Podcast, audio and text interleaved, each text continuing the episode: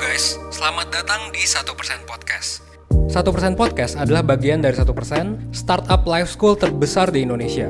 Dalam podcast ini kita bakal ngebahas topik-topik seputar kesehatan mental, pengembangan diri, serta edukasi life skills dengan tamu yang handal di bidangnya. Kami ingin kamu untuk bisa mendapatkan insight baru dan berkembang seenggaknya 1% setiap harinya. So that's all. Enjoy 1% podcast untuk hidup seutuhnya.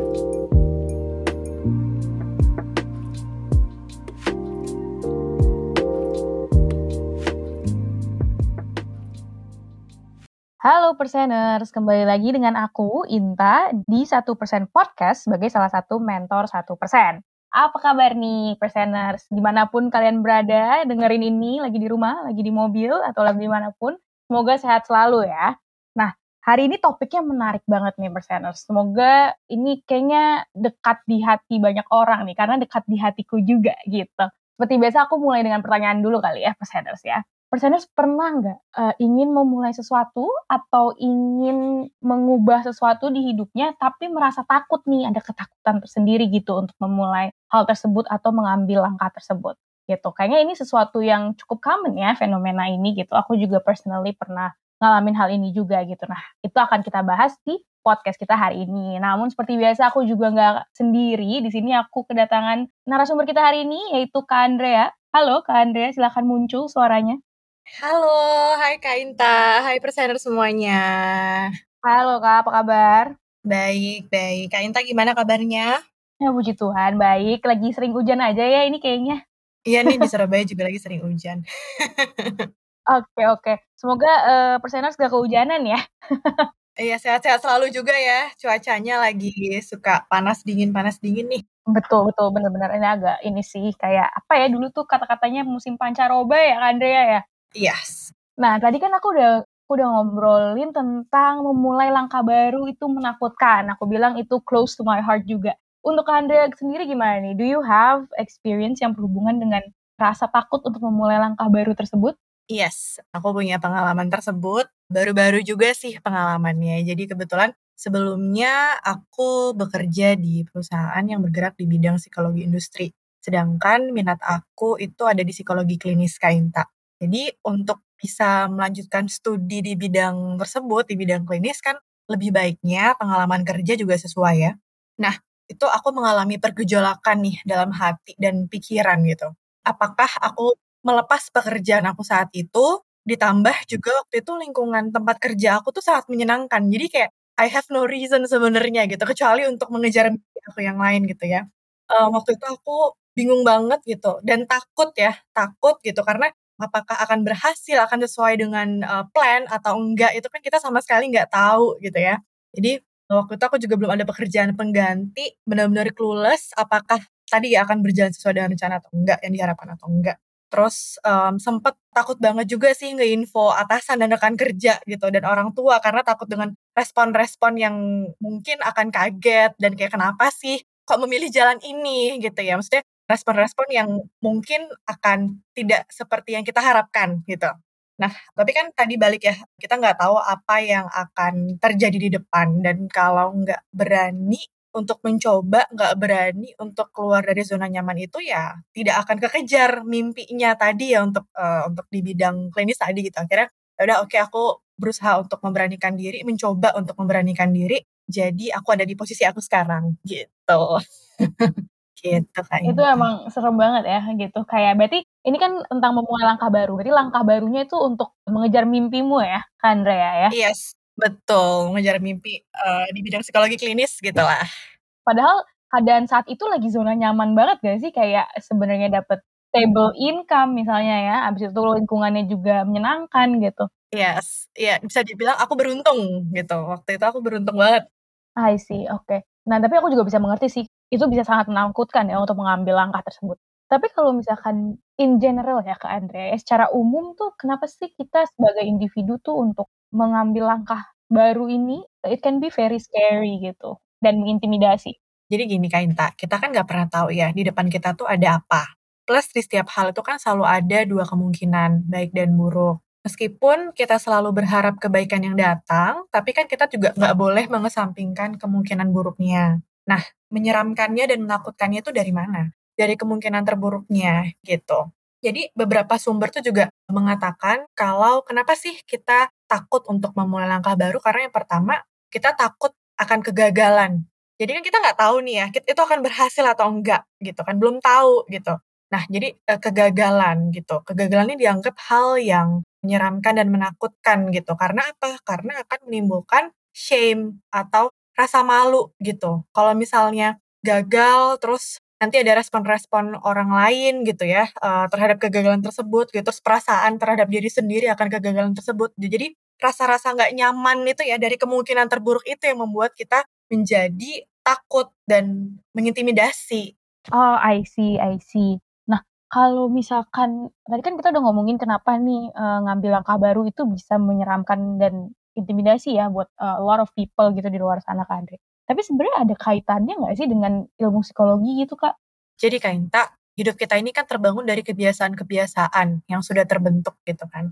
Dan um, sebenarnya kita ini yang kita jalani ini itu meminimalisir untuk berpikir gimana caranya kita bisa nggak terlalu banyak berpikir tentang apa yang sedang kita lakukan. Jadi kita punya zona nyaman. Nah, ketika kita sudah terbiasa melakukan A, lalu untuk kebaikan, misalnya kita harus melakukan B, meskipun untuk kebaikan ya, tapi kan B itu adalah hal yang asing gitu. Banyak ketidakpastian dan itu di luar zona nyaman gitu kan. Karena kan kita nggak tahu di luar kebiasaan kita lah. Kebiasaan itu adalah zona nyaman kita. Kita perlu lebih banyak berpikir gitu, meskipun di awal-awal aja nih sebenarnya tentang apa yang sedang dijalani pada opsi B gitu kan. Dan hal ini juga masuk dalam kategori hal yang berpotensi membahayakan. Karena kan kita nggak tahu nih ya kita menghadapi apa, apakah akan gagal, apakah akan berhasil, apakah akan menyedihkan, gitu kan kita nggak tahu. Jadi ada potensi untuk membahayakan diri kita lah. Nah, respon tubuh kita terhadap hal yang berpotensi membahayakan tuh apa sih gitu? Itu adalah rasa takut. Jadi otak kita ini punya cara yang unik untuk memperingatkan, yaitu dengan rasa takut ini. Nah, beberapa sumber tuh mengatakan mencoba hal yang baru itu sebenarnya bukan susah gitu. Karena kan ada yang bilang susah, ada yang bilang menakutkan. Tapi di sini aku mengambil yang mencoba hal baru itu bukan susah gitu. Ada banyak caranya.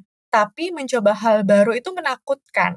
Karena ya tadi kita nggak nggak nggak tahu gitu, nggak tahu apa yang akan kita hadapi di depan. Ada kegagalan kah, kesedihan kah gitu. Kemungkinan-kemungkinan terburuknya itu selalu ada gitu. Dan kita juga perlu waktu untuk meyakinkan diri gitu, membulatkan tekad dan niat untuk memulai gitu.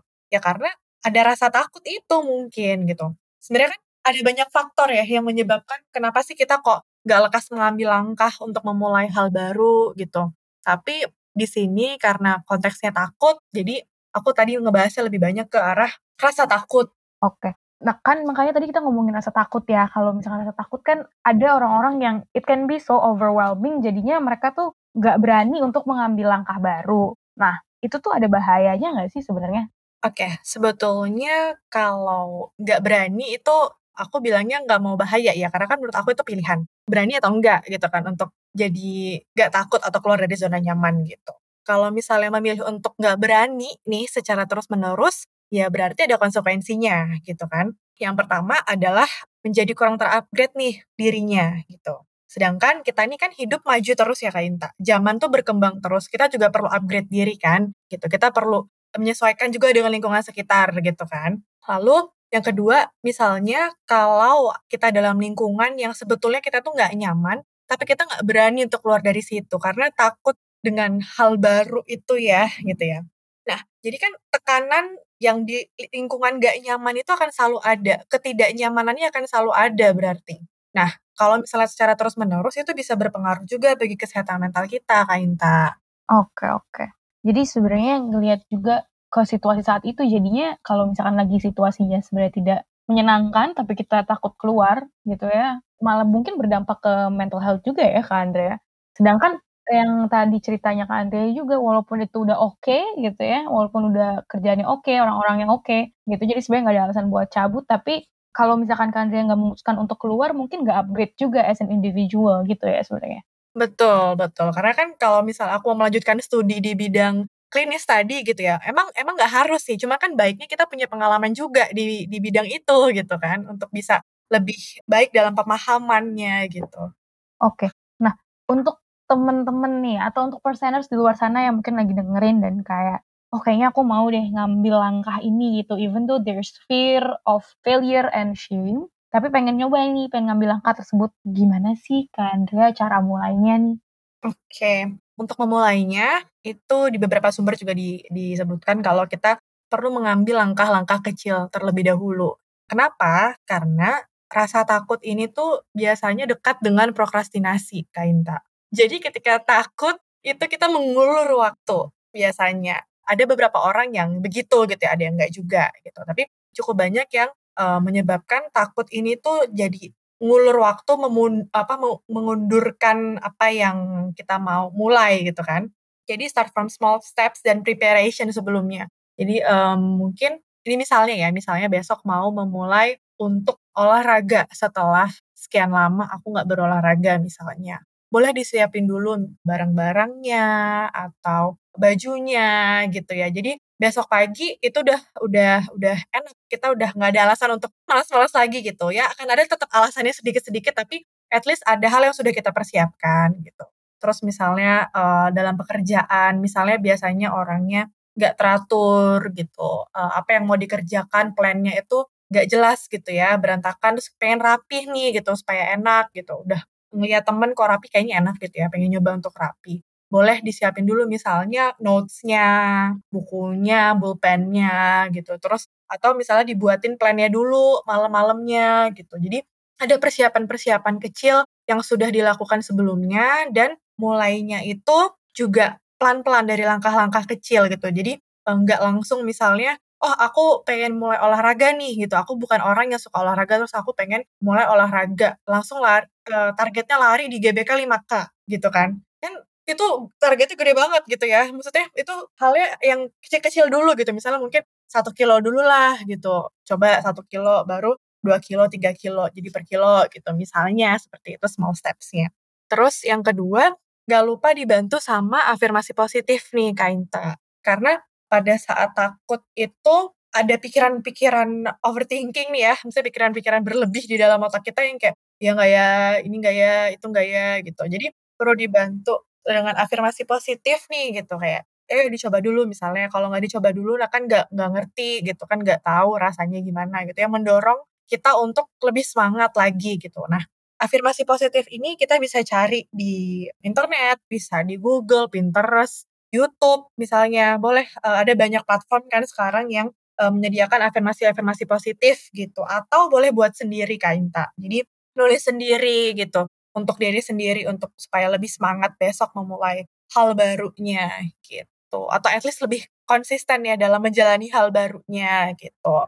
Terus, mmm, yang berikutnya, fokus pada hal-hal yang bisa kita kontrol, misalnya niat kita, terus, mmm, planning kita ke depannya gitu. Daripada, eee, respon orang lain, tanggapan orang lain gitu, itu kan hal yang di luar kontrol kita ya. Hasil dari usaha itu sebenarnya ya kita bisa kontrol, cuman di luar dari apa yang sudah kita kerjakan itu kan balik lagi, itu bukan hal yang kita bisa kontrol gitu, nggak semuanya bisa kita kontrol lah intinya gitu. Dan instead of mikir kemungkinan terburuknya gimana, kita pikir kemungkinan terburuknya gimana, tapi lebih berfokus pada antisipasinya. Jadi oke, ini ada worst case scenario seperti ini, antisipasinya seperti apa. Jadi lebih ke arah problem solving ya, dibandingkan dengan overthinking-nya. Oke, jadi menarik banget ya tadi Kak Andrea juga udah share sama kita hal-hal yang cukup konkret ya, gimana kayak, eee, apa namanya, step-stepnya gitu untuk untuk mengambil langkah tersebut gitu. Nah kalau misalkan aku boleh rangkum sedikit nih dari conversation kita hari ini gitu ya, itu cukup insightful ya, bukan cukup sangat insightful gitu ya. Jadi, eee, kenapa itu bisa menyeramkan atau mengintimidasi individu tuh ternyata karena kita juga nggak pernah tahu gitu di depan kita tuh ada apa gitu, dan emang tendensinya individu adalah untuk merasakan atau mengalami rasa takut karena adanya kemungkinan terburuk atau mengalami rasa takut karena kegagalan dan juga shame gitu ya uh, tadi failure dan shame gitu yang dikatakan oleh Kak Andrea gitu. Dan ternyata ini berhubungan dengan psikologis kita gitu as an individual gitu. Karena kita punya kebiasaan nih kita punya habits gitu ya untuk stay di dalam zona nyaman kita. Dan pada saat kita mengambil langkah baru itu kita tuh melakukan hal yang benar-benar baru dan ternyata berpotensi membahayakan. Dan perasaan takut ini kayak kayak some sort of signal dari badan kita gitu bahwa oh ini hal yang baru loh gitu. Dan threatening gitu. Jadinya kita merasa takut tersebut gitu. Nah tapi ternyata tadi juga diomongin sama Kak Andre ya bahwa kalau misalkan kita nggak berani untuk mengambil langkah tersebut, sayangnya adalah satu kita tidak mengupgrade diri kita sendiri ya sebagai individu. Nah, yang kedua, kalau misalkan kita di situasi atau di lingkungan yang tidak nyaman dan tidak sehat gitu misalnya, tapi kita nggak mau mengambil langkah tersebut ya kita akan stuck gitu. Misalnya kita bukan stuck ya, ternyata kita akan stay gitu di tempat itu, di situasi itu, dan mungkin itu juga berdampak juga dengan keseharian kita dan ke mental health kita gitu. Mungkin dari Kak Andrea ada yang mau ditambahin lagi dari rangkuman aku? Um, udah sih Kak Inta udah cukup dari aku. Iya, nah dan jangan lupa juga ada tiga stepnya tadi dari Kak Andrea gitu ya untuk memulainya. Yang pertama small steps dulu ya perseners, gak usah langsung 5K, 1K dulu aja di GBK nggak yes. apa-apa, ya kan? Yang kedua jangan lupa afirmasi positif ke diri sendiri ya, kalau boleh gitu ya, kalau mau boleh tuh ngaca setiap pagi kayak you are amazing, you are strong gitu di depan kaca. Bisa kok bisa you can do gitu. it gitu. you can do it yang paling sering. Yuk bisa yuk. Nah itu. yuk bisa yuk.